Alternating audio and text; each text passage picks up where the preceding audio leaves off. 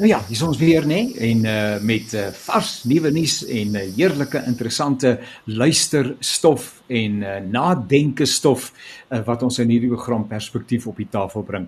Ons lewe met ons voete op uh, op hierdie grond op die aarde. Uh, ons is koninkryksburgers wat hier op aarde die koninkryk van die hemel moet laat kom. Uh, maar dis ook prakties nê nee? want Christendom is prakties en in ons omgang met onsself en met ander mense met ons kinders ons jong mense uh met die gemeenskap en dan in die besonder ook met God en dit waarmee hy besig is. Uh, dis die dinge waaroor ons 'n bietjie gesels in hierdie program perspektief en uh iets wat van 'n ander onderwerp vandag, maar net so relevant soos uh enige van die ander onderwerpe wat ons in hierdie program uh al hanteer het. My naam is Janie Pelser. Uh reeds gesê die program se naam is Perspektief en jy kan dit weer 'n keer luister by www.radiokansel.co.za as 'n pot gooi, jy gaan soek maar net vir Perspektief. Eweneens ons naweek aktualiteitsprogram Naweek Aktueel wat jy ook daar by Radio Kansel se eh, webtuiste eh, kan kry. Baie dankie aan Zani wat vir ons die tegniese versorging van hierdie program behartig en ek vertrou dat dit met jou baie goed gaan en dat jy hierdie program insiggewend gaan vind. Nou eh, ek het drie gaste met wie ek gaan saam kuier. Ek gaan hulle eers aan jou voorstel en dan gaan ek die tema op die tafel plaas en uh, miskien sê julle ook agterkom kom ek uh, juis gekies het om met hulle te gesels omdat hulle lekker jonk is en in aanvoeling is met uh, jong mense en die temas wat vir jong mense relevant is en uh, uh, en ons gaan dan lekker met mekaar kuier. Ehm um, ek wil baie graag aan julle voorstel vir Adel Jacobs en sy is verbonde aan SAOI uh die Suid-Afrikaanse Onderwysunie as dit nog die uh verduideliking is van daardie afkorting sy gaan nou vir ons sê en uh sy is verbonde aan uh, hulle professionele dienste. Adel dis lekker om jou te verwelkom. Ek vertrou dit gaan met jou klop te silboom.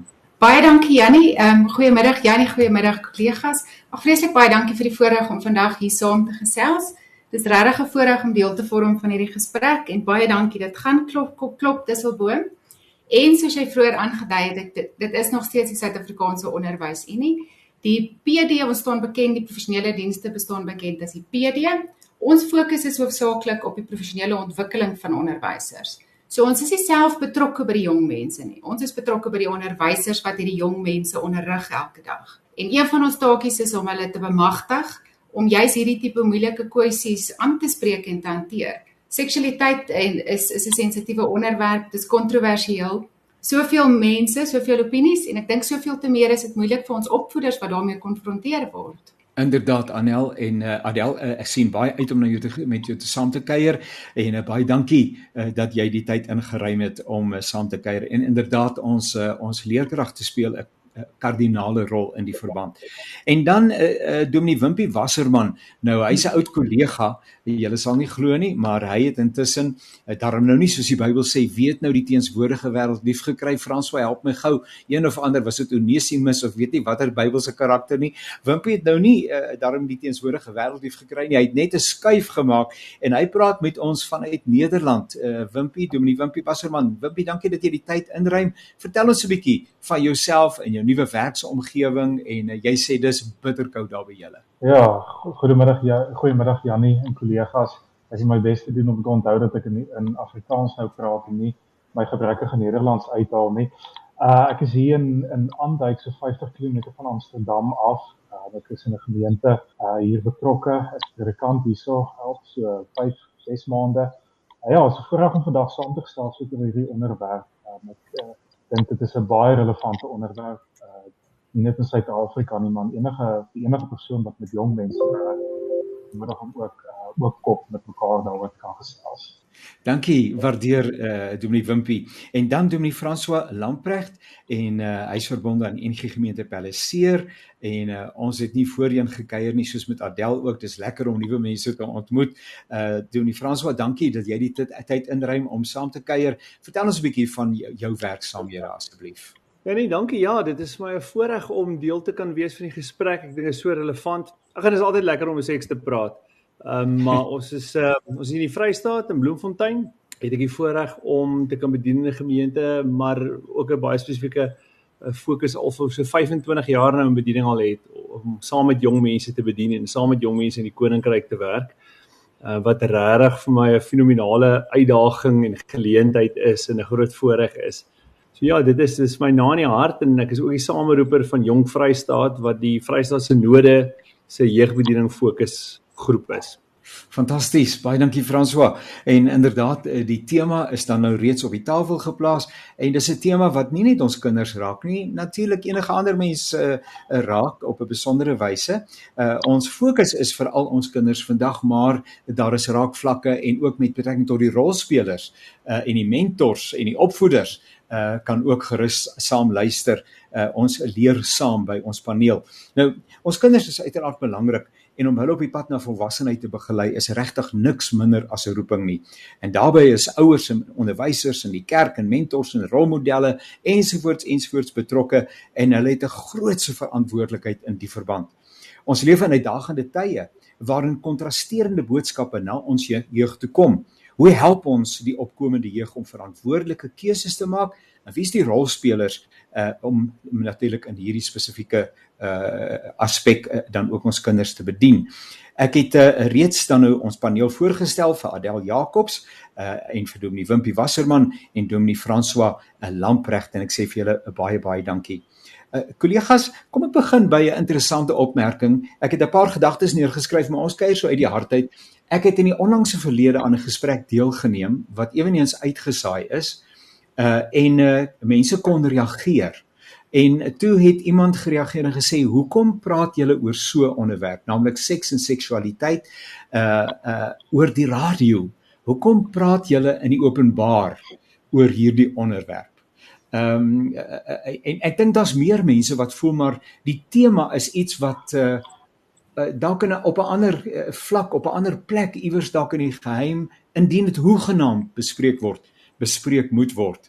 Eh, kan ons bietjie net met hierdie opmerking uh begin want daar is waarskynlik en ek maak nie verskoning vir ons program nie maar miskien is daar luisteraars wat vandag sê sjoe om daarom nou hier op die senders van Radio Kansel 'n Christelike radiostasie oor seks en seksualiteit uh en moraliteit wat daarmee saamhang en dis meer en dis meer te gesels ek is sommer lus en sit hierdie radio af kollegas hoekom praat ons oor hierdie goed doen nie wimpie begin jy in die res van julle kuier saam ek dink uh dis ontsettend belangrik dat ons uh, as Christelike gemeenskap en as die kerk um 'n opinie het oor seks en seksualiteit ook. As ons uh sommer net die voorhand liggende uh, maar net kan erken is dat seks uh, iets is wat God geskaap het. Uh dis nie iets om oor skaam te wees. Dis iets waaroor gepraat mag word. En die probleem is om wanneer ons nie daaroor praat nie, en veral met ons jong mense nie daaroor praat nie, uh dan gaan soek hulle self die antwoorde of hulle gaan uh praat dalk met mekaar daaroor en hulle is net enig ingelig daaroor nie. Ek uh, dink ons as die kerk, ons as ouers, ons as opvoeders het 'n wonderlike voorreg en 'n uh, geleentheid om regtig met ons jong mense ook en eerlik te praat daaroor uh as 'n mooi en 'n wonderlike ding wat God geskaap het dat dit nie in die uh ons hoef nie al skaam te wees nie. En ek dink ons het 'n nuwe perspektief nodig op dit ook as as as volwasse gelowiges. Ons hoor graag van die kollegas François Adel. Ja nee, as ek mag, ja, dit dit is amper vir my 'n vreemde vraag oor hoekom praat ons oor seks. Ek voel amper vir my mense sê hoe in die lewe kan ons nie daaroor praat nie. Dit is so 'n wesenlike deel van ons mens wees. Uh dit is so 'n wesenlike deel, weet of ons nou kerk en Bybel praat en ons spiritualiteit, hoe God ons geskaap het, regdeur tot net plain mens wees man, dit is so deel van wie ons is om nie daaroor te praat nie, ontken dit. Dit relegeer dit swaar tot die skadu's en dit is waar die grootste skade plaasvind is is juis as ons nie hieroor praat nie. Is so 'n mooi natuurlike deel van ons lewe. Daar is ek probeer regtig hard dink aan 'n boek in die Bybel waar seksualiteit nie op 'n manier betrek word nie, waar dit nie 'n tema is nie, waar dit nie onderwerp is nie, waar dit nie deel van die storie van iemand is nie. Dit is so deel van ons mens wees dat dat ek nie kan dink aan 'n boek in die Bybel wat nie eers oor seksualiteit praat of of of die saak aanraak op 'n manier nie. So ek dink ons het 'n absolute verantwoordelikheid om daaroor te praat. Janie, ek wil graag aansluit by wat die kollegas sê en ek dink nou terug aan en ek wil nie namens die kollegas praat nie, maar toe ek groot geword het, was dit 'n tema wat totaal taboe was. Ek was in standaard 5 gewees toe ek toe ek ingeroep en ek het 'n boekie gekry, meisie, jy's pragtig. En en ek bedoel indien hierdie tipe goed nie by die huis bespreek word nie, waar gaan ek my inligting kry? Dan kry ek my inligting by maats en dit is oor die algemeen is dit 'n totale verwronge uh inligting wat ek dan kry. En ek dink net die tegnologie het en die tye het so verander en as gevolg van tegnologie is ons kinders anders en dit is 'n digitale era. So die inligting is daar buite. Die en en elke generasie sê die tye het verander, maar toe ek op skool was, het ek Kalfoot skool toe gegaan. Toe ek hoërskool toe gaan, het hulle vir my moet begin skoene dra nou. So die tye het verander en en ek kan nie ehm um, so 'n onderwerp hanteer soos toe ek groot geword het nie. Ons moet met nuwe oë daarna kyk en en ek dink ek wil aansluit wat by wat François sê, net refrein dat dit is ons verantwoordelikheid om ons kinders op te, uh, toe te lig en hulle inligting te gee. Kan ons 'n bietjie oor daai ding gesels van die tye het verander? Ehm um, ek is nou uh, iets wat ouer is wat julle is uh, en as ek dink aan my eie grootword jare uh, op skool kan ek nie dink dat ek uh, regtig daarmee kennis gemaak het nie. Ehm um, ek dink my ouers was redelik skie om oor die onderwerp te gesels uh, met alle liefde teenoor hulle. Uh ek voel ongemaklik daarmee en ehm um, 'n mens het inderdaad het jou, jou maats maar vir jou gehelp om iets daarvan te probeer verstaan. Uh, en en en dan self uh, is dit iets wat jy die die woord gebruik skadu Franswa dis 'n skadu ding dis nie iets waaroor ons in die openbaar oordentlike mense praat nie hieroor nie maar maar maar wat het gebeur of hoe verstaan 'n mens? Wat sê ons wanneer ons sê die tyd het verander? Ehm um, mense kan sê nee wat? Mense is dieselfde. War war war, nee, is so bekleierig raak en so. Maar maar die, die tydsgewrig waarin ons leef maak dit uiters noodsaaklik dat ons oor sekere goeters baie eksplisiet en eerlik moet praat. Ek dink mense is dieselfde, maar die inligting het meer geword. Ehm um, as ek dink aan die inligting wat beskikbaar is vandag, uh wat die gemiddelde jong mens uh, oor beskik en dit waar ek uh een of twee dekades terug toe ek op hoërskool was uh beskik het is dit radikaal anders. En omdat tye verander, moet ons ook ons benadering verander. Ons kan nie net sê uh die mense is dieselfde en ons steek ons um ons ons kop weg, ons kop uh in die grond en ons weet nie wat om ons aangaan nie. Is nodig om met die inligting wat dalk van die media of van die wêreld of waar ook al afkom uh, om tog op 'n verantwoordelike wyse met dit om te gaan. En daarom dink ek uh, ons 'n uh, absolute uh, verantwoordelikheid het teenoor om om daarmee besig te wees. Julle is welkom as julle gedagte het asseblief deel gerus sommer net so uit die hart uit. Ehm um, maar maar kan ek nou daarmee saam uh, vir julle vra kan ons vir 'n enkele oomblik net mens wees verken? Uh ehm um, ek is tog holisties mens. Ek is nie eendimensioneel nie en en en ons ervaring baie keer is dat in die gesprek mense soms eendimensioneel benader word asof dit die enigste faset van mens wees. So hoe integreer 'n mens? Hoe ver, hoe dink 'n mens oor 'n mens na wanneer ons ook oor seksualiteit praat? Kan jy 'n bietjie gedagtes daaroor wissel asseblief? François? Ja nee ja, ek kom ek by eerste gedagte is kan enige iemand die die beeld oor gebruik om te sê dat om iemand te sê hulle hulle dat hulle seksualiteit moet net nie uitleef nie, nie ontken nie. Dit dit jy moet nie aan jouself dink as iemand wat seksualiteit het nie, soos om te sê ek moet iemand 'n drukkie gee, maar jy sny my arms af. Dit is so deel van van my mens wees. Ehm um, nie net wanneer dit kom by seks nie. My seksualiteit is deel van my mens wees op ontsettend baie vlakke op hoe ek met ander mense oor die weg kom, oor hoe ek werk, oor hoe ek met my kinders werk. Dit dit speel op soveel plekke 'n rol in my lewe. Uh dit speel in die kerk 'n rol en hoe ek myself dink uit die kerk, hoe ek myself dink as 'n kind van God. Ehm um, weet as ek my kinders my my kinders groot maak, dan praat ek van 'n jong man van God en 'n vrou van God en dit is so deel van ons. Dis dis absoluut ondenkbaar om te dink ehm um, dat ek dit op enige manier kan ontken of kan dink dat daar enige faset van my lewe is wat nie daardeur aangeraak word nie. Adel? Ja nee, ek, dit is ietsie wat maar nog altyd deur die jare, deur die eeue heen, dink ek vir die mens maar bietjie konflik en gevoelens en en reaksie by ons as mense veroorsaak. Dit en en tog ek het ook gesê dit is dit is deel van die lewe. Ons ons kan dit nie vermy nie. En ek wonder of hierdie nie een van die redes is hoekom ons sukkel om met ons kinders daaroor te praat nie, is dat omdat van ons is ehm um, sukkel nog self en ons probeer nog self die legkaart aan mekaar sit. Uh, ek het iewers geluister uh, in die afgelope tyd so 'n bietjie na praatjies en voordragte in die verband en iemand het gesê dat uh, tieners uh, ek gebruik sommer net 'n versamelnaam uh, word tot 14000 keer per jaar met boodskappe wat met seksualiteit te doen het oor die media geanalystekens gekonfronteer. Die die tema is 'n sentrale tema in die media. Kan ons 'n bietjie gesels oor die die rol van die media? Moet ons die media demoniseer? Uh dat hulle is is is deel van 'n aanslag. Ehm um, uh, moet ons die media vergoeilik en sê ten minste plaas dit 'n tafel 'n saak op die tafel waaroor ouers nie met die kinders wil gepraat nie. Hoe hoe dink ons op 'n verantwoordelike uh manier met mekaar saam oor die die rol van die media?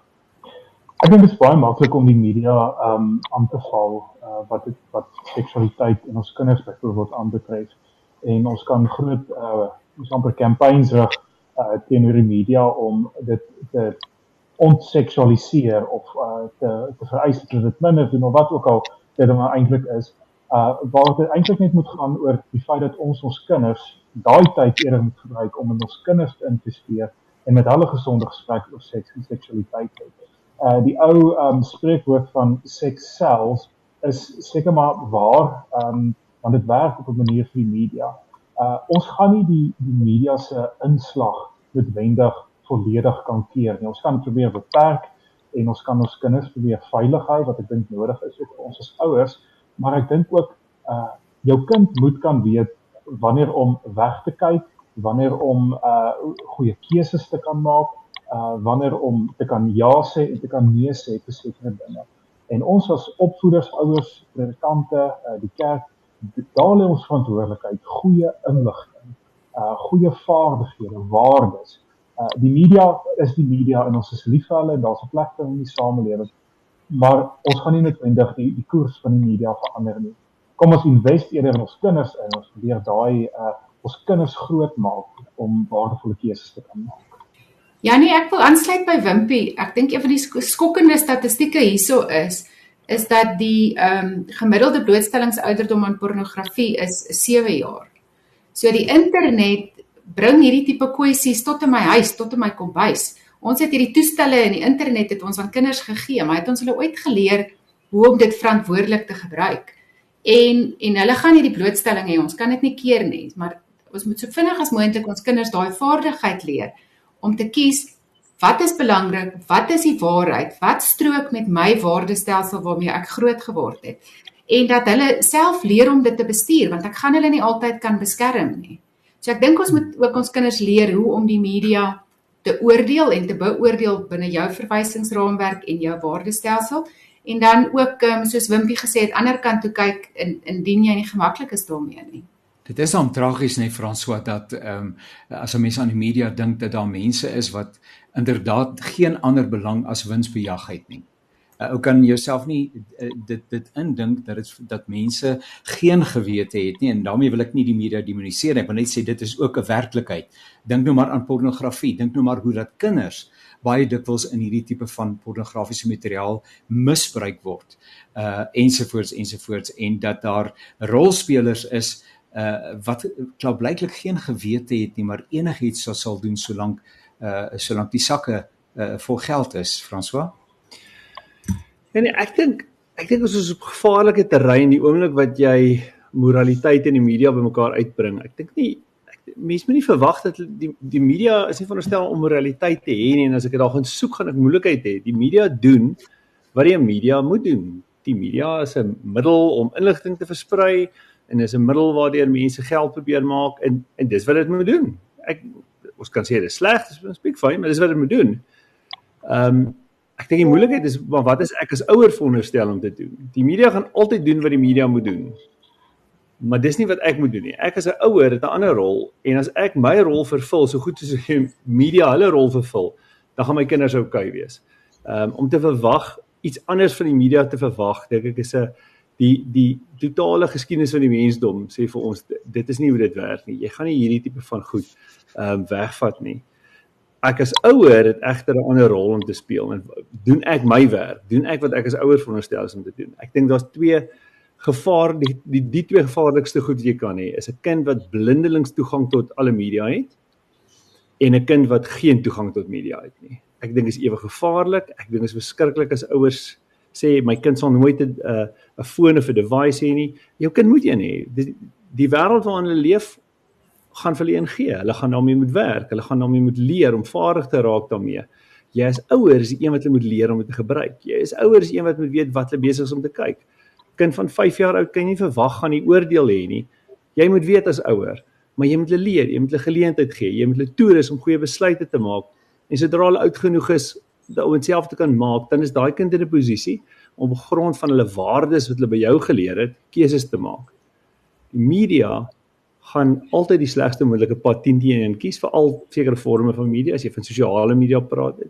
Dit kan verskriklik wees vir 'n kind. Maar dis nie media se skuld nie. Ek as ouer is veronderstel om 'n rol te speel daarin. En media speel ook 'n positiewe rol. Ek bedoel ons is besig met media op die oomblik. En so hier is 'n voorbeeld van hoe dat media op 'n proaktiewe en positiewe manier gebruik word. Kan ons 'n bietjie gesels? Miskien sou ou sê jammer uh, en ek weet nie julle kan vir my help. Uh jy weet as ons sê altyd dis die mense aan die ander kant van die treinspoor of ons sê dis nie ons mense nie. Uh maar in die afgelope tyd was daar uh, dikwels verwysings en bekommernis uh van uh, van owerheidsweë vanuit die uh, onderwys en dis meer oor die baie hoë insidensie van tiener swangerskappe. En ehm um, so uh, so dis al moeilike goeders nê. Nee. So hoe begelei jy ons kinders wat in 'n 'n uh, wêreld groot word waarin seks en seksualiteit op die spits gedryf word? Ehm um, uh, waarin daarin blootgestel word waarin die konteks en die omgewing waarbinne hulle groot word nie altyd ideaal is wat privaatheid betref ensovoorts ensovoorts nie waar ander waardes sjoe, dis 'n baie moeilike ding om bymekaar te trek, nê, nee? waar ander waardes dalk geld en so aan en dan sit jy met 'n meisietjie van 12 en 14 jaar oud wat geboorte skenk aan 'n babietjie. Ehm um, uh so is ons kinders nie toegerus nie, is dit omdat ons nie ook op hieroor gesels nie, nie eerlik genoeg is nie. Ehm um, help vir my asseblief in die verband of is dit nie ons mense nie? Miskien is dit 'n manier om daarna te kyk. Uh Adel, julle werk nou met kinders en met onderwysers. Uh, wat is die terugvoer wat van onderwysers afkom rondom hierdie hele saak? Ja nee, ek wil ons nou nie verveel met statistieke nie, maar ek dink is tog nodig om, om net vlugtig daarna te verwys. So dit is in die 2022-23 finansiële jaar was daar 150 000 jong meisies swanger. So hierdie sluit in die terminering van swangerskappe. Dan is daar nog faktore soos agterstraatse aborsies, jou tuisgeboortes, miskrame of ongeregistreerde ehm um, babas wat nou glad nie in berekening gebring word nie. So daar's daar's baie faktore en ons baie redes, maar hierdie is 'n ongelooflike toename van 2022 se 90000. So COVID-19 die pandemie speel speel wel ook 'n rol, maar as ek nou vanuit 'n onderwysoogpunt uit kan verwys na SARU, SARU is die Suid-Afrikaanse Raad vir Onderwys. So van die navorsing daar het gewys dat in 2022 is 11000 van die swangerskappe in Limpopo is veroorsaak as gevolg van as ek 'n Engelse term kan gebruik blessers of verhoudings met um, onderwysers. Maar hierdie is net Limpopo, so die realiteit in elke gemeenskap en die realiteit in elke provinsie is verskillend.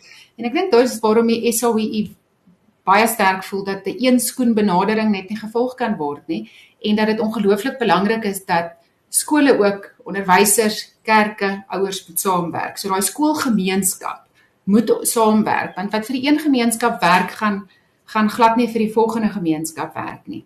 Dan van die redes wat aangevoer is vir hierdie hoë statistieke en hierdie hoë syfers van swangerskap is onkunde. Daar's bloot net nie kinder, die mense kry nie die nodige toeligting nie. Een een leerder het gesê dat haar vriendin het vir haar gesê voorbehoedmiddels gaan haar steriel maak en daarom het sy dit nie gebruik nie. So so is daar miljoene stories in ons skole van hoekom voorbehoeding nie gebruik word nie. Dis so dis daai onkunde en ouer betrokkenheid is 'n probleem. Nie bloot omdat ouers nie belangstel nie, maar van ons leerders word word groot by ouers Hulle word groot by grootouers of waar daar iemand is wat siek is. Hulle bly by familie. So hulle is nie noodwendig by hulle ouers nie. En dan het ons natuurlik ook die child-headed households waar die kinders staan aan die hoof van huise. So hierdie mense het bloot net nie toegang tot die inligting nie. En die inligting wat hulle wel kry is dan soos ons vroeër gepraat het baie keer vervronge. Ja, dit is, is dan 'n verskriklike hartseer situasie ook as ou daan dink dat ehm um, mense keuses moet maak uh, en hulle het eintlik die hulp met om om te kies nie. Hulle het nie die volwassenheid of nie net die inligting nie. As ek byvoorbeeld dink aan uh, kinders wat soos wat uh, adults sê by grootouers dalk groot word of alleen uh, aan die hoof van die huis staan. Ek dink ons as 'n samelewing het ook 'n verantwoordelikheid om om te sê in die pres te tree vir uh kinders uh veral vir jong mense wat in situasies soos dit is uh deur gesonde uh gesprekke te kan hê en en dit gaan nie net oor seks en seksualiteit nie dit gaan oor 'n oor 'n breë spektrum van dinge ek dink wat die wat die konteks konteks in Suid-Afrika uh baie besonder maak is die feit dat kerke en skole uh tog nog 'n bepaalde samewerking ook het uh rakende godsdienstige en en sulke morele aspekte. Ek uh, onthou in Suid-Afrika het ek op het ek op gereelde basis by skole ehm um, gepraat oor welke onderwerp ook al die skole gevoel het uh, hulle die kerk net kan vertrou en dat die kerk en die skool daai samewerking ook moet uh moet opneem en bewaar ook want as ek as ek dink aan die die konteks hier in Nederland waar ek nou is uh, kerk en skool werk apart van mekaar. Uh daar's noodwendig die uh die voorreg wat ons in Suid-Afrika gehad het noodwendig waar die kerk en skool op 'n manier kan saamwerk.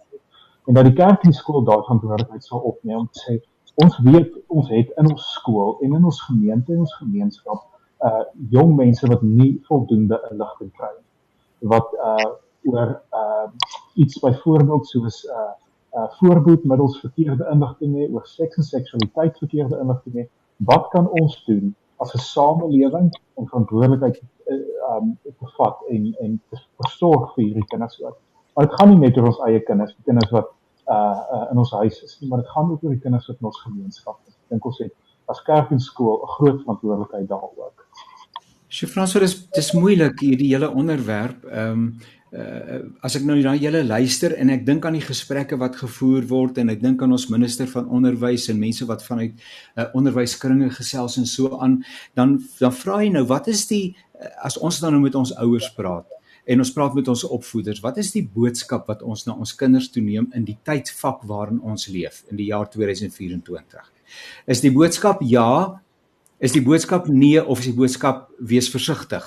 En wat wat is die boodskap wat ons kinders toeneem? Wat is realisties uh gesien uh kom ons wees nou maar sommer lekker eerlik met mekaar uh, en ons luisteraars mag dalk moet geskok wees maar dit is die realiteit. As ek 10 paartjies sien vir huweliks kategese dan uh Wimpie bly bly 6 lankal reeds in 'n verhouding. Is lankal in 'n saambly verhouding. Ehm um, nou moet sê ek nou vir daai 6 paartjies nee, julle gaan nou eers vir 6 maande afsonderlik leef dan kom jy dis tog net nie realisties nie. Hmm. Nou sit ons in 'n wêreld waarin hierdie onderwerp so op die spits gedryf word en ons kinders moet keuses maak. Uh kinders, kom ek sê nie net ons kinders nie, maar kinders moet keuses maak. So wat behels met ander woorde 'n verantwoordelike uh seksvoorligtingsprogram vir ons opkomende jeug. François, jy werk nou met die kinders, jy is by die sinode betrokke om hierdie goed inhoud te gee. Ja, nee, kom ek sê ek wat vir my interessant is, die oomblik toe julle nou praat oor die swangerskappe. Uh ja, dan hardloop my kop. Ons het ons het sulke interessante goed wat mense in die kerk beleef daarvan. Ehm um, die kerk in die ou dae baie spesifieke roete gehad hiermee en dit was redelik eenvoudig. As jy swanger word, dan word jy onder sensuur geplaas want jy het nou die vreeslike sonde gepleeg. Ja. Maar natuurlik altyd vreemd was van selfs volgens volgens die Bybelse riglyne oor wanneer iemand onder sensuur geplaas word of uit die gemeente uitgesit word. Voldoen dit nie want jy moet nou 'n paar keer herhaaldelik nou dieselfde sonde uh nou pleeg en dan moet ons nou moes ons nou eers vasstel hoeveel keer hulle nou seks gehad het voor iemand swanger geword het of of wat maar ons het nou ons het nou 'n bietjie weggestap van dit af. So die kerk is nie meer in die in in die in die besigheid van iemand is swanger, nou moet ons daai daai gesin moet nou uit die kerk uit, hulle moet onder sensuur geplaas word, ons moet hulle nou oordeel nie ons almal het 'n gevoel daarvoor dat iemand dit daar's niks gesond aan dit as geloofsfamilie om dit te doen nie. As geloofsfamilie is die gesonde roete om te sê, hoe kan ek hierdie kind in 'n liefdevolle huishouding intrek? Hoe kan hierdie kind wat gebore gaan word in 'n liefdevolle huishouding groot word? Hoe kan hierdie kind die waardes leer wat nodig is om om om hierdie kind wat nog gebore gaan word, ehm um, groot te maak? Nou om hulle uit te sluit uit die kerk uit is is duidelik nou nie die beste antwoord vir dit nie. Maar nou leef ons in hierdie in hierdie spanningsveld van ons wil 'n liefdevolle gemeenskap wees. Maar nou julle sal dit sien op baie plekke, maar in die kerk sien ons dit ook baie, want dit gebeur baie. Ehm um, dat ouers nou leef in hierdie ding van hulle ek wil nie my kind moet nou uitgeskop word, uitgestoot word uit die samelewing uit nie. En dis goed dat hulle so voel, maar dan probeer hulle om hierdie situasies te normaliseer soveel as moontlik. Ons hou 'n ooievaars tee vir my kind wat 15 jaar oud is wat nou iemand verwag en die maatjies kom en die maatjies woon dit by. En net proses normaliseer ons iets wat nie normaal is nie. Geen regdenkende mens wil graag dit vir 'n kind hê en dink dat dit die beste roete is vir my kleinkind om groot te word nie. Maar nou normaliseer ons dit en ek dink die skade van dit gaan ons gaan ons oor die volgende 10, 20 jaar sien. Want ons sit met generasies wat al hoe meer dink, nee, dis oukei. Okay. Dis dis alraai. Hulle gaan vir my 'n lekker partytjie hou as ek swanger word. Almal gaan vir my persentjies bring. Ehm, um, dit is eintlik 'n verskriklike stuk skuif in die kultuur wat plaasvind wat so gevaarlik is. Maar nou wat doen ons? Ek weet ons wil nie wegjaag nie. Ek dink een van die rolle van die kerk gaan moet wees om 'n om 'n ruggraat te groei en 'n gemeente gaan kan sê, weet jy wat, hoe kan ek hierdie kind omhels met terselfdertyd sê hierdie is nie oukei okay nie. Jou jou kind wat jy verwag is nie 'n fout nie, maar wat jy gedoen het is nie oukei okay nie. En eers moet ons in daai spanningsveld leef om te sê ons kan mekaar lief wees, maar hier's 'n klomp ander kinders in my gemeente en in my gemeenskap wat wat ook moet geleer word. Hierdie is nie die beste pad vir jou nie.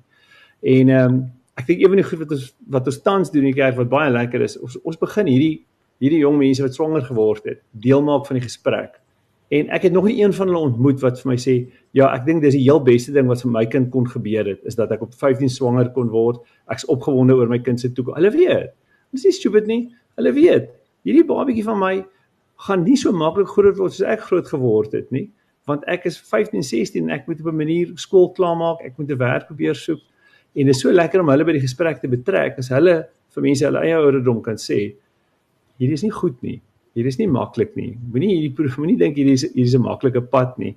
Ehm um, ek dink die kerk het baie werk om te doen daar om te sê hoe kan ons daai gesprek fasiliteer om sonder om iemand weg te gooi ook vir ander jong mense te verduidelik hierdie is nie 'n roete wat jy wil stap nie.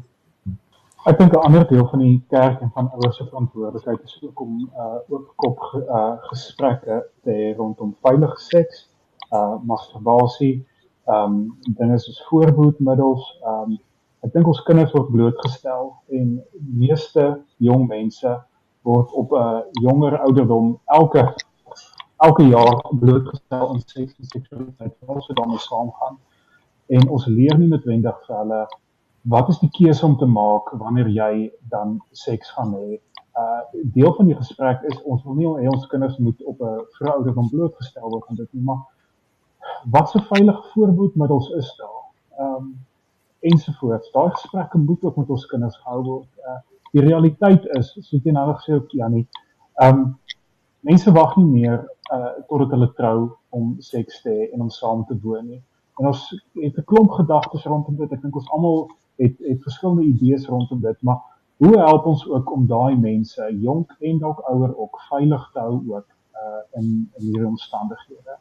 Uh ek ek wonder soms of ons 'n uh, ideaal voorhou van ehm um, wat ook al dit is, 'n uh, bepaalde ideaal voorhou waarby mense nooit kan uitkom en die die skuld wat saam met dit gaan ook vir die ouens wat val ook uh val in ons uh in al ons stekens in ons in ons gedagtes. Die skuld wat daarmee saamgaan is so groot op, maar ons het nie noodwendig vir hulle gehelp om die gesonde keuses te maak of die veilige keuses te maak toe hulle daar gekom het in 'n bepaalde verhouding was uh alles wat daarmee saamgaan. Ek dink die kerk en ouers het 'n verantwoordelikheid daar ook om na te kom. Ja, Adel, daar is baie keer kommer. Ek weet op 'n stadium, dis nou maar soos met Bella, jy sal nou weet van Bella. Uh en ons kollegas weet sekerlik en ons luisteraars, ons het verskillende programme ook daaroor gedoen uh oor die hoogtewetgewing rondom 'n hele klomp dinge. Uh en skielik dan skree almal dit is 'n groot ding en ek sê nie dit is nie 'n groot ding nie en ek sê nie daar is rooi ligte ensovoorts ensovoorts nie. Ehm um, maar op die einde van die dag dan gebeur dit en uh dan uh, kom ons aan die ander kant daarvan uit Ehm um, en dit was dieselfde gewees op 'n stadium rondom die uh seksvoorligting wat op skole aangebied word. Ehm um, geweldige ehm um, uh emosies wat gaande was oor uh, die inhoud van die materiaal en dies meer en so aan. Uh, kan kan jy so 'n bietjie ietsie daaroor? Daar was uh, daar was uh, die noodsaaklikheid dat dat ons kinders begelei word, maar daar was tog die kommer dat dit nie ouderdoms gepas is nie. Ek weet nie of of daar intussen by onderwysers 'n rustigheid gekom het en of dit nog steeds die gevoel is en dan hoor jy verskriklike stories wat ouers uh kom hier vir jou vertel. Ons kind het dit geleer vandag by die skool en dit geleer en dan wil ek myself sê, maar is dit hoegenaamd moontlik dat enige regdenkende mens so iets binne 'n kurrikulum kan inskryf? Uh so sê help 'n bietjie vir ons hoe hoe dink onderwysers en hoe dink julle ouens deesdae oor die begeleiding wat ons kinders gegee word uh op skool? Ja, Janie, dit was in in 2020, 2021 was dit daai comprehensive sexuality education geweest wat baie op die tafel in die media was. En en ons was nogal die SAU was baie nou betrokke geweest by die proses en op die ou en het ons 'n konsensus standpunt bereik met die DBO. En ons uitgangspunt is ons aanvaar die die beginsel van seksualiteitsonderrig en die, die nood en die belangrikheid daarvan. Maar ons voel baie sterk dat verpligte leermateriaal nie op skole afgedwing kan word nie gemeenskappe moet self besluit oor die oor die keuse van leermateriaal en dan natuurlik die ouderdomstoepaslikheid daarvan. En en ek dink vroeër die illustrasie wat ek gerig het uit Limpopo uit sê weer eens vir jou hoe gemeenskappe verander en hoe hoe gemeenskap verskillend is en die konteks verskillend is. En dit om ook aan te sluit by om om te sê oor die betrokkeheid van die kerk. Dit is nie net kerk self nie, maar ook alle geloofsinstansies speel 'n rol in die gemeenskap en hulle moet gekontak word. Ehm um, en dan eintlik was daar nog altyd seksualiteitsonderrig in skole gewees. Skole het dit net self bestuur in oorleg met hulle skoolgemeenskappe.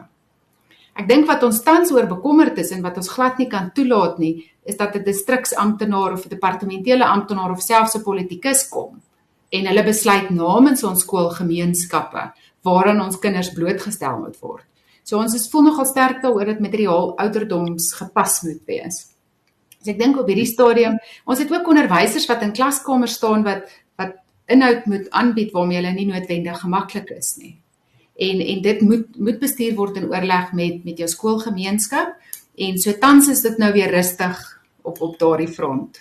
Maar dit alles onderstreep dan nou Wimpie en François die ontsettende belangrikheid van ouer betrokkenheid by hulle kinders, by die gemeenskap, by die omgewing waarbinne hulle kinders uh hulle self van dag tot dag vind. Ek dink aan hulle vriendekring, hulle portuïergroep, uh, met name die skool. Uh en en is die probleem nie dalk ek vra vir julle uh en die ervaring dat ons ouers eintlik hierdie verantwoordelikheid nie net ten opsigte van seksualiteit nie, maar jy laas op baie terreine, ook wat die geestelike vorming van ons kinders betref, dat die ouers dit uit uh, uitkontrakteer by wyse van spreuke. Skool moet dit doen en die kerk moet dit doen uh ter, terwyl die primêre opvoeder in alle gevalle die die die ouer is en as daar in 'n skool dan met ander woorde uh materiaal aangebied word uh, of wat die situasie ook al mag wees wat nie uh, in orde is nie dan moet daar 'n onderwys 'n uh, uh, uh, uh, uh, uh, ouer korps wees wat toetree en sê maar uh, dit is nie verteenwoordiging van ons gemeenskap nie. Uh François Wimpie. Ek het op 'n stadium uh Tom kies vir um uh, ons voorgemeente gesê uh uh toe dit gegaan het oor hulle kind se geestelike opvoeding onthou dat ek nie jou kind wou gehad het nie. Ek het nie gekies om swanger te word nie. Jy het in hierdie omstandighede gekom jy die kind gehad jy die verantwoordelikheid. Die kerk uh, is 'n uh, mederolspeler. Die kerk is hier om jou hande sterk te maak en dit gaan oor alles. Die kerk en die skool en die samelewing en die regering en die media ensovoorts is nie die primêre versorger van ons kinders nie as dit gaan oor oop gesprekke, as dit gaan oor seks en seksualiteit, ek het my seun van 6 moet in die eerste plek by my gehoor het. Uh, en nie by uh sy skool en by al daai goed as ek stem saam met Adel. Ek dink ouderdoms gepaste uh opvoeding is ons sê belangrik. Wat begin ook alles. 'n Oop verhouding met jou kind rakende sy of haar liggaam uh die uh groot word, alles wat daarmee saamgaan uh, volwassenheid uh, begin by jou uh, verhouding met kinders. Seks en seksualiteit en al die verskillende goed wat daarmee saamgaan, is nie noodwendig iets waar ons ongemaklik of skaam hoef te voel nie. uh, ek dink ouers moet ook in hulle self begin kyk, soos ons nou met alles sê. Kom ons begin by onsself. Hoekom voel ek ongemaklik om my kind oor seks en seksualiteit te praat? Wat is dit in my? Wat is religies of uh gevoelens word in my hart wakker? Hoekom sukkel ek om daaroor te praat? En dan ook jy as ouer met dit besig wees. En dan sê okay, hoe gaan ek op 'n gepaste, ouderdomsgepaste volwassenheidsmanier met my kind omgaan raak met dit? Frans, jy dink jy asseblief asseblief Frans op praat. Ons sê altyd in die kerk ehm um, die doopbelofte ja, het jy as ouer kom beloof ek beloof om my kind te onderrig en te laat onderrig. Daai goed staan in 'n in 'n in 'n volgorde vir 'n rede. Jy beloof dat jy jou kind gaan onderrig. Dis nie die kerk, die skool, enigiemand anders se se se primêre werk om jou kind te leer van God nie. Dis nie hulle werk om hulle te leer van seksualiteit nie. Dis jy. Jy het beloof jy gaan hulle onderrig. Ons kan hande vat met jou, ons kan help, maar ek gaan altyd tweede in die ry wees. Ek's altyd die ondersteunende rol en ek kan net ondersteun waar ouer hulle werk gedoen het. Ehm um, dit is vir my ja, ek, dit bly vir my wonderlik dat ons in 'n in 'n stelsel leef waar die skool ten minste 'n rol probeer speel in dit en ek dink dit weet ken dit maar van 'n land waar die krisis so groot is dat dat selfs ons regering kan sien as iets wat gedoen moet word. Nou teen hy 10 vir hulle. Ek stem saam, ek dink hulle het dit nie wonderlik gedoen nie. Ehm um, ek dink almal is half bly en verlig dat die dat die dat die comprehensive sexual education eers net so bietjie stil geraak het. Ek ehm um, ek het self daai tyd die goed gelees en dink is dit die skool se werk om dit te doen? Ehm um, is dit die kerk se werk om dit te doen? Ek dink wat interessant is van dit is is ek ek sê nie ons moes dit anders doen het nie. Ehm um, Adel weet dis jy weet as die oomblik wat ons sê die die die opvoeder moet gemaklik wees daarmee. Ek dink ek myself as ons gemaklik was hiermee, sou ons almal met ons kinders daaroor gepraat het. Weet ons loop die gevaar dat ons gaan maar net weer terug gaan na 'n plek toe waar ons ons praat nie eintlik oor die goed wat ons moet praat nie. Daar is van die goed daarin wat ek dink nie heeltemal ouderdoms gepas is nie, maar ek dink ook ons jok baie keer vir onsself oor die ouderdomme wanneer my kinders al klaar goed hoor en klaar blootgestel is daaraan. Ehm um, daar is goed wat nie gepas is vir alle situasies nie.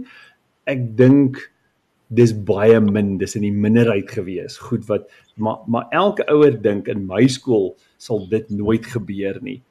Boetie dit het al lankal gebeur. Ehm um, daar's klein uitsonderings waar daar voorbeelde en goed in daai materiaal was waar ek net genuine sê okay, ek dink regtig dit is heeltemal ongepas vir hierdie area. Maar skaaf van dit en werk aan dit. Maar om terug te sien dink wie wat ons gaan maar eers los tot almal gemaklik is met dit. Niemand gaan ooit gemaklik wees met dit wat gesê moet word nie net jou net jou kind se pelle gaan gemaklik wees om dit te sê en en dit gaan nie goeie inligting wees nie. So ja, ouers het so ongelooflike rol om dan te sê as die skool dit nie doen nie, dan moet hulle dit regtig, dan moet hulle dit ordentlik doen. Janie, kan ek aansluit net net by wat François sê ook. Ek en ek wil 'n storie vertel om dit te illustreer. Ons het um, ek is bewus van 'n insident waar waar die een maatjie in 'n uh, 7-jarige kind vir sy maatjie vir sy vir 'n ander dogtertjie in die klas gesê het, "I can imagine having sex with you." Ehm um, dit is nou opgevolg met met die skoolbestuur en die ouers is gekontak en ouers het aangegee hulle glad nie 'n televisie by die huis nie en hulle het nog nooit hierdie gesprek gehad met hulle kind nie. En hoe meer hulle toe nou hierdie situasie nagevolg het, het dit uitgekom dat ehm um, van die grondslagfase tot die matriekleerders sit almal saam op die bus. So hierdie kind het dit bloot gehoor by een van die matrieks en herhaal sonder om te verstaan. En ek dink dit is hoekom dit so so belangrik is vir ouers om hierdie gesprekke met hulle kinders te hê want ek het die geleentheid om die narratief te bestuur. Ek het die geleentheid om te besluit wat weet my kind. En en die kenner sê vir jou dat hierdie oop gesprekskanaal met jou kind moet teen die ouderdom van 7 moet dit gestig wees. Daarna er, is dit 'n Google search en ons almal weet wat kom op as jy ietsie Google search of dit is ietsie wat wat 'n maatjie sê of maatjies wat anders groot gemaak word as jou kind of maatjies wat ouer broers en susters het. So ek voel net kry daai kanaal oop as ouer met jou kind sodat die kind na jou toe kom met vrae dat jy die heel eerste bron is. En en daarom dink ek is dit so belangrik dat hulle hulle primêre rol wel nakom en dan die kerk en die skool die ondersteunende. Anderster gaan ons kinders bloot die die verkeerde inligting kry. Ek is so bly dat François net nou uh met verwysing tot die kinders se gedrag die woorde gebruik het en gesê het uh, dit is waarskynlik nie die beste nie. Dis nie oukei okay nie. Uh, en nie uh, ek dink en is een van die probleme is van die woord wat die kerk gebruik is die woord sonde. En en ons vervreem en my vraag is ons vervreem mense want ek bedoel ons gryp onmiddellik na na sonde. Nou nou verkeerd is verkeerd, dit is inderdaad so. Ehm um, maar ons ons ken ook 'n God wat lief is en omgee en en wat met ons op pad stap. En dit vat 'n leeftyd om die pad te stap. Niemand van ons is afgehandel nie, we're a work in progress. En dit vat 'n leeftyd om uiteindelik te kom by die plek waardeur ons kan kom haal en eers dan sal ons volmaak wees. Kan ons net 'n bietjie iets hieroor gesels oor die kerk en die manier waarop hierdie gesprek gevoer moet word? Uh, voor die kerk wel die gesprek, het een van julle al in 'n erediens gesit waar die dominee oor uh, seks en seksualiteit praat in die hele groot word jare miskien. Ehm um, ek moet tot my eie skaamte erken ek is nie seker dat ek in my totale bediening ooit 'n preek daaroor gehad het nie met kinders gesels en jong mense en meer van maar ek dink nie ek het ooit op die kansel gestaan en gesê kom ons praat vandag oor seks nie. Uh, is ons nie besig om soos vol struise met ons koppe in die sand te loop nie? François ek sien jy het so skelm glimlag. Uh, ja nee nee ek lag so ek het 'n paar jaar terug toe preek ek en ehm um, ek sê nou uit my kollegas ek moet sê ek het al baie dinge gesê van 'n kansel af Maar die woord masturbasie sit maar nog snaaks op 'n kansel. Dit uh dit dit was een van die moeiliker dinge om te sê. Weet jy, die taalgebruik van die kerk oor seks is een van die skrikwekkendste goed vir my. Dink dit is een van die goed wat maak dat die kerk nie effektief daaroor praat nie. Ehm um, ek kan nou praat oor jare terug, né? Ons het baie jare terug toe ons nou kinders was, het die kerk gesê nee, jy moenie seks hê nie, is sonde. Nou, on, as jy nou kyk kyk na na mense wat nou boeke skryf vir vir kerkkinders. Hierdie tipe boeke wat ouers in die kerk sal koop vir hulle kinders om te lees, want ek my kind nou help grootmaak en dan is daar 'n hoofstukkie in hierdie boek in ehm um, wat nou praat oor seks en seksualiteit. En dan gaan lees jy dit. En dit was my absoluut skokkend om dit te doen met met met een baie redelik baie bekende publikasie waar die hele hoofstukkie oor seks het gegaan oor die siektes wat jy kan kry en hoe sleg dit is. En ek myself, in watter wêreld dink jy dit is hoe jy nog met kinders kan hulle is nie stupid nie. En as die skrik vir swanger en siektes ons sou afskrik sou ons nog nooit swangerskappe gehad en swangerskappe gehad nie, nie. Dit werk nie so nie. Jou seksualiteit werk nie so nie. 'n jong mens se brein werk nie so nie. Ek kan jou nie bang genoeg maak in hierdie afdeling van 'n verstand wat nog baie gekompartmentaliseerd werk sekere ouderdom. Kan ek jou nie bang genoeg maak in hierdie blokkie dat jy slim genoeg optree in daai blokkie nie dit werk nie so nie wat ons mis in die kerk is wat die Bybel het oor seks. Ons het nie 'n taal wat enigiemand opgewonde maak oor die pragt en die mooi en die wonder van ons seksualiteit. Tot so 'n mate dat jy my inspireer dat ek hierdie mooi wil ontdek en hou vir die regte tye en die regte plekke nie. Ek probeer hulle ons probeer hulle bang praat en dis nonsens. Maar dis dis ons gebrek in die kerk dat ons nie mooi kan praat oor seks nie. So in plaas daarvan om iemand te inspireer om iets mooi en reg te doen, probeer hulle bang praat en dit is dit dis dis totaal en al of ek on oneffektief en en dit getuig so 'n bietjie van 'n hartseer geskiedenis wat ons in die kerk het. Dat ons nie vir iemand iets opwindend en mooi kan vertel vir van seks dat dat iemand 'n kind daar uitstap en dink ek kan nie wag om dit eendag op die regte tyd en die regte plek te gaan doen nie. Dis die stem van Dominee François Lamprecht en hy's verbonde aan die NG Gemeente Belleseer en uh, ek sê vir jou baie baie dankie uh François vir die uh, lekker gesels saam met jou. Uh Adel Jacobs, 'n uh, laaste woord van jou kant asseblief. Uh baie dankie Jannie, dankie vir hierdie geleentheid en en dat ons hierdie gesprek kon gehad het. Dink ons wil net net vir ons ouers ook sê dankie vir hulle ondersteuning, maar dan ook ehm um, sê vir vir ons onderwysers baie dankie vir hulle wat hulle doen en en selfs die moeilike take wat hulle aanpak om ouers se hande sterk te maak en en ook 'n broodnodige diens aan aan ouers lewer waar nodig. So ehm um, ja, Janie baie dankie ons. Ek dink ons wil weer eens net terugkom om te sê dat ons dit oorlaat aan skoolgemeenskappe en dat dit dat hulle 'n ongelooflike rol moet speel en dat dit binne konteks moet geskied. En soortgelyk met met die Bella wetgewing voel ons dat dit in oorleg met die gemeenskap moet doen, gedoen word en dat ehm um, alle rolspelers gekontak moet word. Dis die stem van Adel Jacobs en uh, sy is verbonde aan professionele dienste by Suid-Afrikaanse Onderwysunie, werk in die besonder dan met onderwysers en om hulle toe te rus vir hulle enorme taak om met ons kinders, ons kinders en kleinkinders te werk nie waar nie. En dan uh, doen die Wimpie Wasserman 'n laaste woord van jou kant af. Ja, dankie Jannie. Ek ek wil tog sê ek dink en dit gaan net oor oor seks, maar dat ons ons kinders wat uh foute maak, ons kinders wat dalk uh iets aangedoen is kinders wat seer maak of seer kry dat ons uh, in ons huise en ons kerk en ons skole vir hulle veilige ruimte moet gee ook om vasgehou te word. Uh kinders maak droog, is wat groot mense ook droog maak en dan moet uh, dan moet genade en uh ontferming wees ook vir hulle en dat ons as ouers dit ook net sal onthou. En dis Dominic Wimpel Wasselman wat daarvan uit Nederland met ons gesels uh oor hierdie belangrike uh, faset in hierdie onderwerp. Soos bykans alles wat ek uh, hier by 'n radiokansel doen, uh, het ons by verre nie uitgesels nie en ek hoop dat ons in die nabye toekoms ander aspekte rondom ehm um, spesifieke onderwerp kan verken. Uh dit sal heerlik wees om weer met julle skouer te skuur. Baie baie dankie dat julle uh ingestel ingestem het om saam te gesels aan ons ouers en aan ons uh, luisteraars. Ehm um, ek vertrou dat jy nie aanstoot geneem het dat ons reguit praat oor hierdie dinge nie. Ehm um, ek wil ek, ek wil herhaal wat een van die sprekers gesê het en watter wêreld leef ons dan? Uh ons het 'n verantwoordelikheid om nugter verantwoordelik en verantwoord na oor hierdie dinge na te dink en ook by Radio Kansel is dit vir ons belangrik om uh eerlik en lekker opreg met ons uh, luisteraars om te gaan. En uh dan ook aan uh Zani wat vir ons die tegniese voorsiening vir uh, tegniese versorging vir die program behartig het. Baie dankie Zani en dan nou weer 'n keer aan ons luisteraars baie dankie. Onthou dit program beskikbaar is, is 'n potgooi uh, by www.radiokansel.co.za by 'n perspektief. Seënwense vir elkeen en ons gesels weer in die toekoms met mekaar. Totsiens.